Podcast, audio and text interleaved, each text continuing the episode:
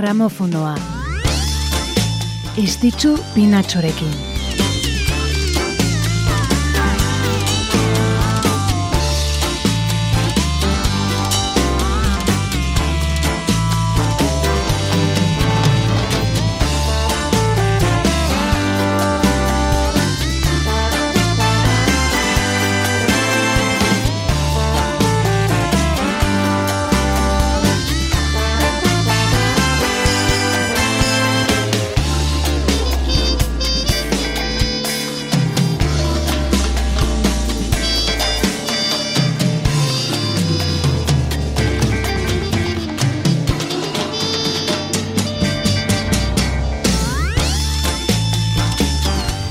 Arratxaldeon, arratsaldeon denoi eta urte berrion. Urtarrilaren amairua da eta gramofonoa ere bueltan da. Urtea bukatu bezala hasiko dugu guk musikarekin gozatuz.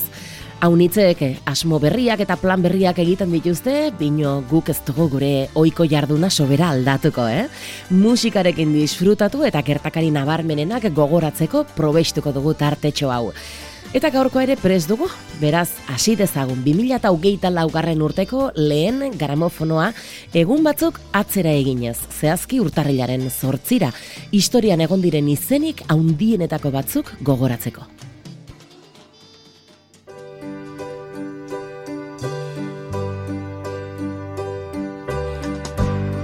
Maybe I didn't treat you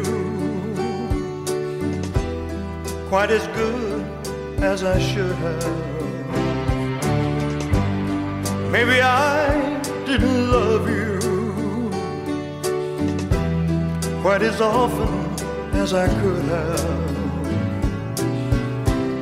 Little things I should have said and done. I just never took the time. You were always on my mind.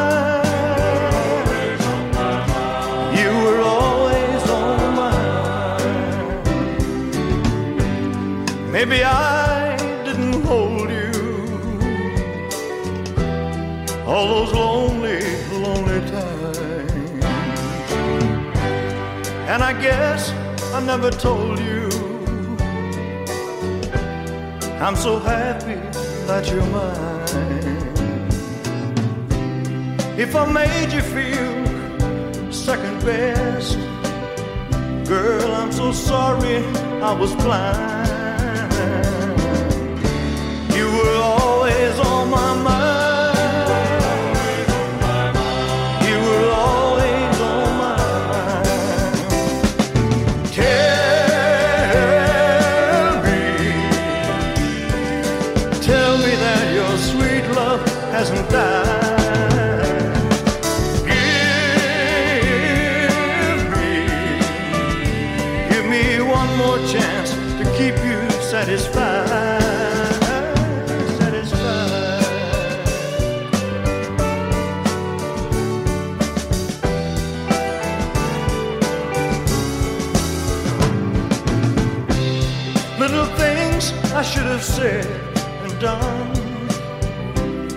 I just never took the time.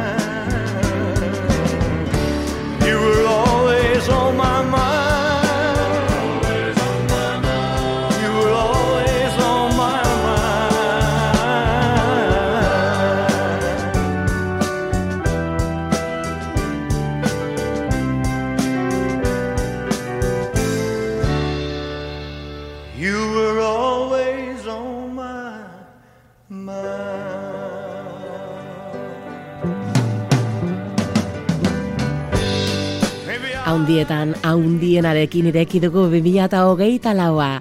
Elvis Presleyen ahots gogoan garriarekin, urtarrilaren sortzian jaio zen, mila bederatzen da hogeita mabortzgarren urtean. Ezer gutxi gehiago kontatzen alda rokaren erregearen inguruan.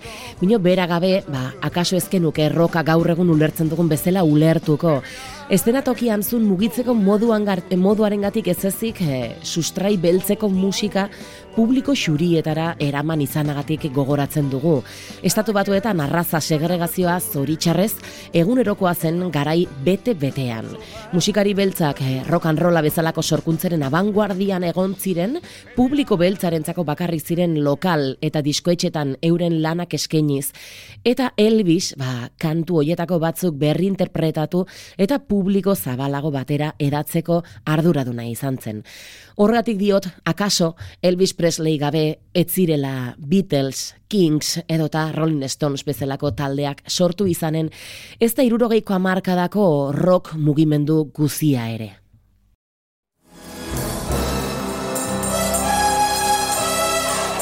Mila bederatzeron da hogeita mabortzgarren urtean jaiozen Elvis Presley Mississippin eta bi urte beranduago, mila bederatzeron da hogeita mazazpiko urtarrilaren zortzian Britania hundian, bertze izar bat, bera da Shirley Bassey. Goldfinger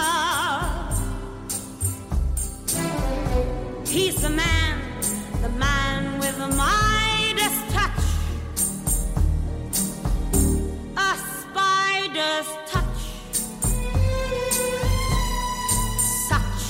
a cold finger beckons you to enter his web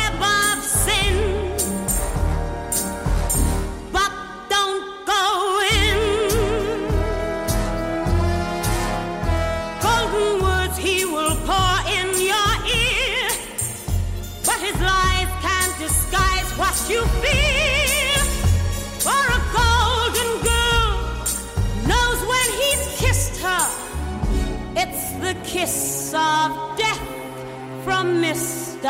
Goldfinger.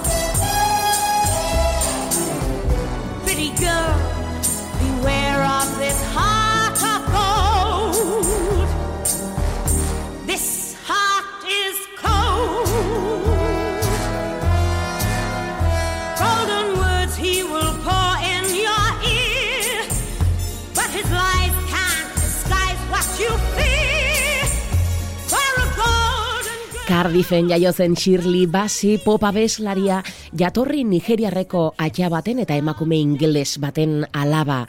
Agitz gazte, hasi zen kantuan amabortz urtekin jazz klubetan, eta aldi berean lantegi batean paketeak prestatzen lan egintzun.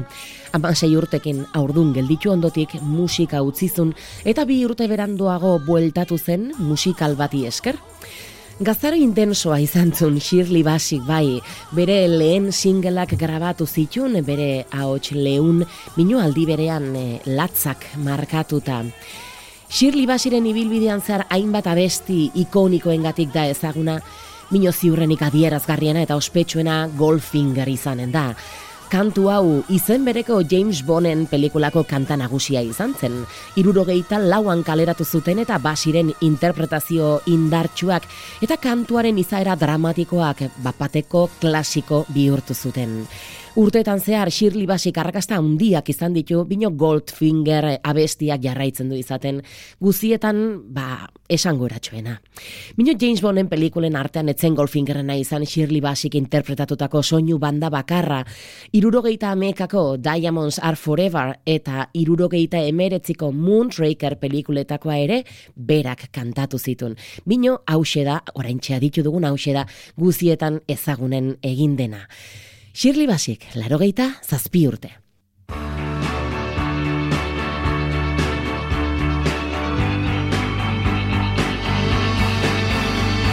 Izen haundienen artean urtarrilaren zortzikoa zen baitare, David Bowie, honen izena da, Heroes.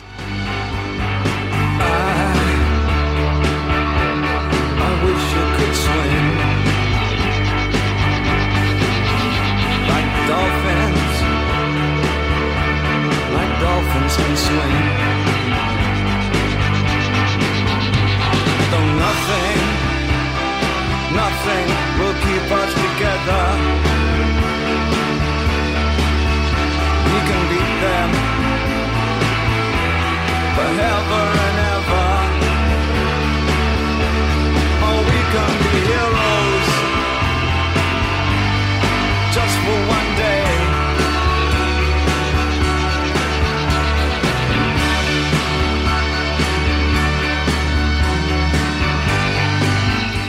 Mila bederatzeron da berrogeita zazpiko urtarrilaren zortzian jaio zen David Bowie Brixtonen pop rock abeslari eta kompositorea. Folk rocketik glamerantz bidaiatu zuen, irurogeita amarreko amarkadan rockaren historian guztiz funtsezkoak ziren lanak edo izan du ziren lanak sinatuz. The Man Who Sold the World, irurogeita amarrean, Funky Dory, irurogeita mekan, The Rise and Fall of Ziggy Stardust and the Spiders from Mars, irurogeita amabian, Aladdin Sane, irurogeita amairuan, eta, eta barreta bar, urteko disko bat, eta guziak, ba, izugarriak. Larogeiko amarka da, Scary Monsters ezin bertzeko lanarekin estrenatuzun, eta hortek aintzinera, ba, intensidedia murriztuzun, mino beti, abanguardiako soinuekin jostatuz.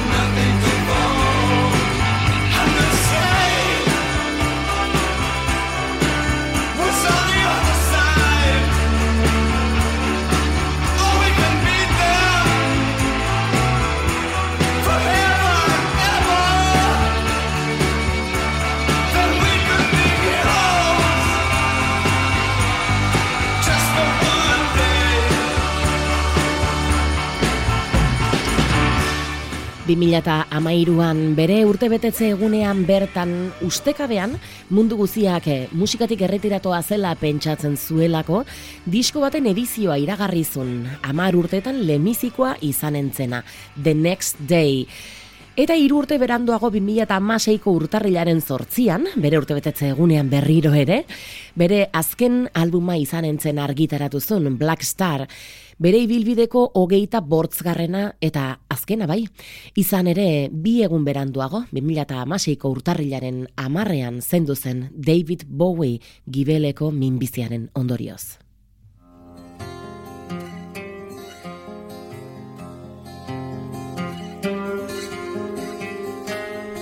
Aste artean, urtarrilaren bederatzean bertze izen garrantzitsu bat gogoratu genun folk kantautorea bera, irurogeiko amarkada hasieran musikaren eszenan agertu zena, protesta kantuaren emakumezko adierazlerik haundiena. Bera da, Joan Baez.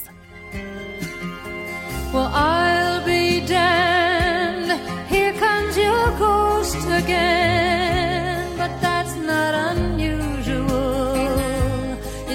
that the moon is full and you happen to call. And here I sit and on the telephone, hearing a voice I'd known a couple of light years ago, heading straight for a fall.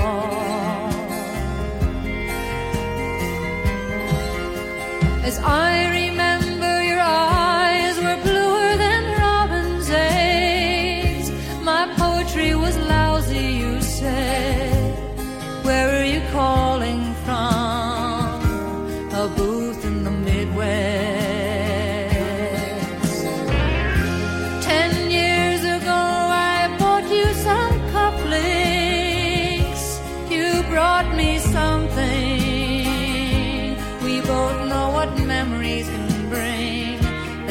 down.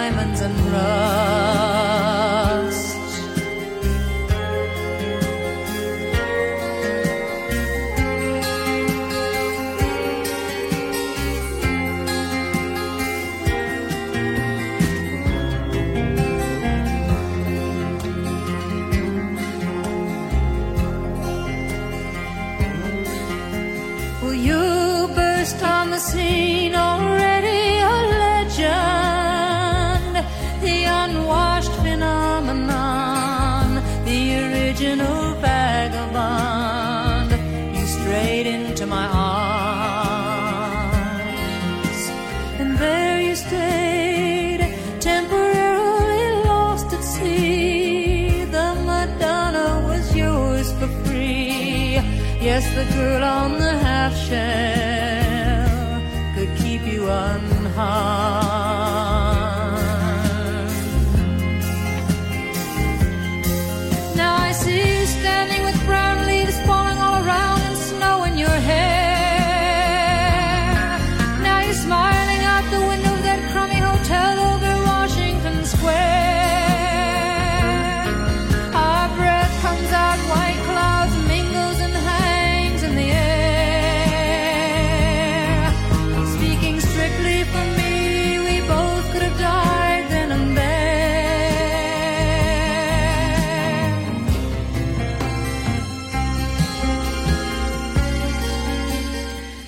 Mila bederatzireun berrogeita bateko urtarrilaren bederatzian jaio zen Joan Baez New Yorken. Bere ideologia aurrerakoiak bere obra osoari eman dio izaera iraultzailea. Protesta bestiaren emakumezko adierazlerik handienetako tzat hartzen da Joan Baez, eta bere soprano ahotxe zorrotzak bere kantutegia definitu du kantu propioak zein bertsioak bilduz. Irurogeian, mila bederatzerun da irurogeian egintzun debuta, vanguarde zigiluarekin bere izena eramantzun diskoa argitaratuz. Ziurrenik bere ibilbide guztiko erreferentziazko lan handia. Bino amarkada harten, amarkada hartan e, ateritako lanen artean bertze hiru ere nabarmentzekoak dire. Irurogeita bateko Joan Baez bigarren volumena, irurogeita biko Joan Baez in Concert Part 1, eta urte bat beranduago argitaratutako Joan Baez in Concert Part 2. Irurogeita marreko amarka da, One Day of a Time bikainarekin estreinatu zun, eta irurogeita mabortzean bertze maixulan bat, Diamonds and Rust. Aditu berri dugun, oraintxe aditu dugun kantuaren izen bera eramantzuen diskoa. Borrokalari neka ezina izan da Joan Baez. Aktibo jarraitzen du, eh? naiz eta bere perfil mm, ba, borrokalari horrek zirkuitu txikiagoetara mugatu duen. Edo zein modutan disko agitz gomendagarriak egiten jarraitzen du.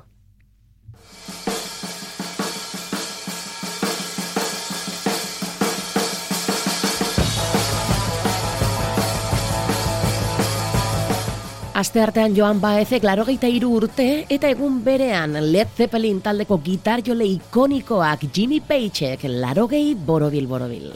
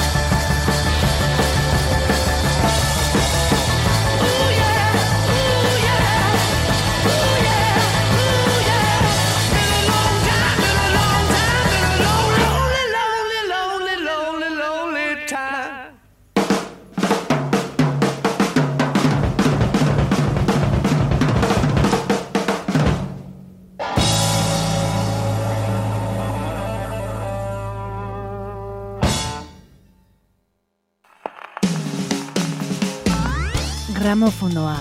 Istitzu pinatxorekin. Gitar joleen artean maixua izan denaren laro garren urte betetzea ospatzen ari gara. Riff ahaztezinen sortzaile haundiena bera, Jimmy Page paregabea. Urte haunitzetan musikaren historiako unerik ikonikoenetako batzuen eh, atzean egonda. Led sortzaile gisa, gitarra jotzeaz gain, ondare bat sortu duelako roka, ba, altuera berrietara igoz. Gramofonoan gaude kantu ederrak aditzen eta izen benetan garrantzitsuak aipatzen ari gara gaur, eta hurrengo honekin Italia ardoinuetara eginen dugu salto, bino agitz itxekoa sentitzen dugun musikari hause zoriontzeko. Tonino Carotone, Tonino Carotone, Mi invitas a una birra, ti canto una canzone. Tonino Carotone, Tonino Carotone, E tiki tiki tiki, te canto il repertore. Tonino Carotone, Tonino Chi Carotone, viene di Pamplona se va pa' Barcellona. Tonino Carotone, Tonino Carotone, Me voy para Milano a cantar con Celentano. peccatore, peccatore, Quando veo a la ragazzi se me enciende lo motore. peccatore, Mi ispiro en el peccato pa' cantare esta canzone. peccatore, peccatore, Y me piace vivir bene e mangiar come un signore. peccatore, peccatore, Cuando caigo en el peccato yo me olvido del dolore. Acuesto por el día, me despierto por la noche. peccatore, peccatore, Porque son un po' ribelle y me cago nel amore. peccatore, peccatore, No paro de beber grappa y la vida se me escapa. peccatore, peccatore, Peca que te peca, puesto morao. No será Tonino Karotone, Burgosen jaioa, mila bederatziren da irurogeita amarreko urtarrilaren bedetzian. Bino aurtzaroa eta gaztaroaren zati handi bat barainanen eta iruñan eman zitun. Betidainik aitortu izan du Italiako musikarekiko miresmena, mila bederatziren da larogeita amabortzean bertze intsumitxo batzuekin eh, Italiara bidaiatu ondotik. Bere sormena, hainbat genero musikal umorez betetako letra zoragarriekin elkartzeko duen trebetasuna, eta estena musikal alternatiboari egiten dion ekarpenarengatik maite dugu Tonino Karotone.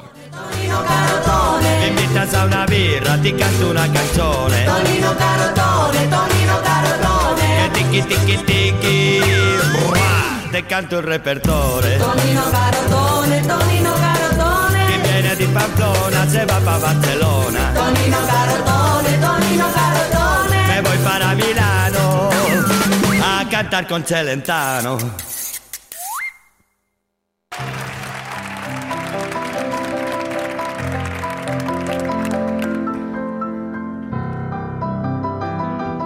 Eta Euskal Herria ipatu dugu, eta kantu honekin, zuzenean egindako abesti eder honekin, donostiaraino hurbilduko gara. Urtarrilaren amekan, Olatz Salvadorrek ere, urteak bete zituelako. Ez dakit nola baretu Barrenak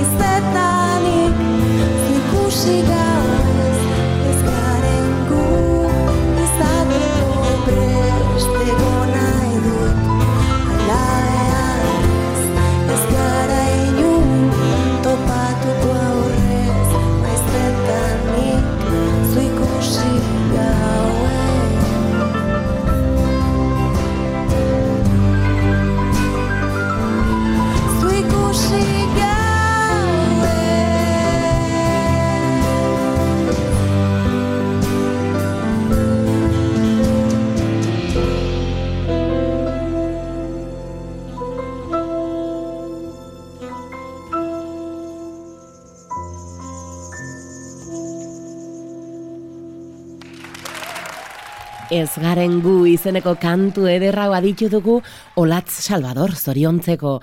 Andreu Buenafuenteren leitmotiv izeneko saioan zuzenean kantaturikoa Iñaki Salvador osabak pianoan lagunduta eta bertako bandak tartean pirata saxofoi jole oreretarrak. Eta kantu hau aukeratu dugu orain hilabete batzuk Olatzek eta Iñakik elkarrekin eskainiko zuten kontzertu sorta bat iragarri zutelako. Azaroan hasi ziren ondarribin, ondotik zarautz, berriz, andoain, ordizia eta bilabona etorri ziren, eta justuan gaurkoa da zerrendan iragarria dagoen azkena. Azkoitean izanen da, erran bezala gaur bertan Olatz eta Iñaki Salvador. Hello, I'm Johnny Cash.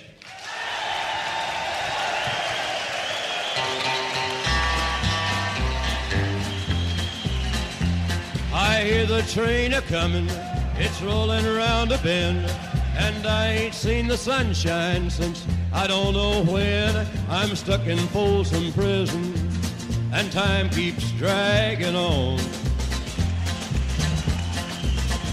But that train keeps a rollin' on down to San Antone. Eta aste honetako efemeriden artean disko bikain bat gogoratu nahi izan dugu. Mila bederatziron da irurogeita zortziko urtarrilaren amairuan Johnny Cashek Kaliforniako Folsomeko kartzelan eh, zuzenean garabatutako hause. At Folsom Prison bere maixulanetako bat da.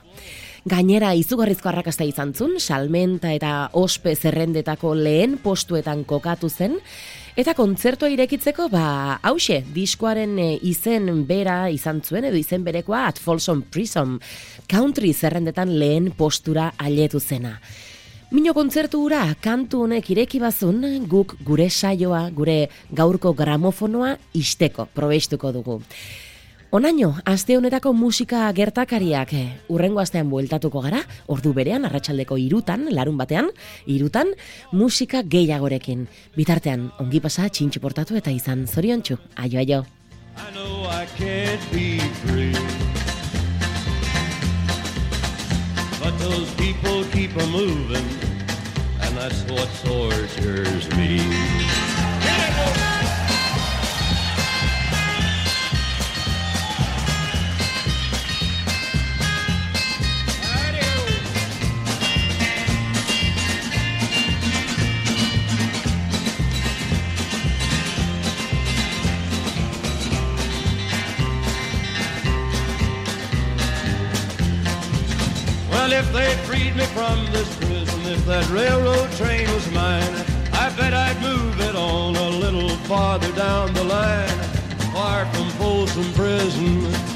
Where I want to stay. And I'd let that lonesome whistle blow my blues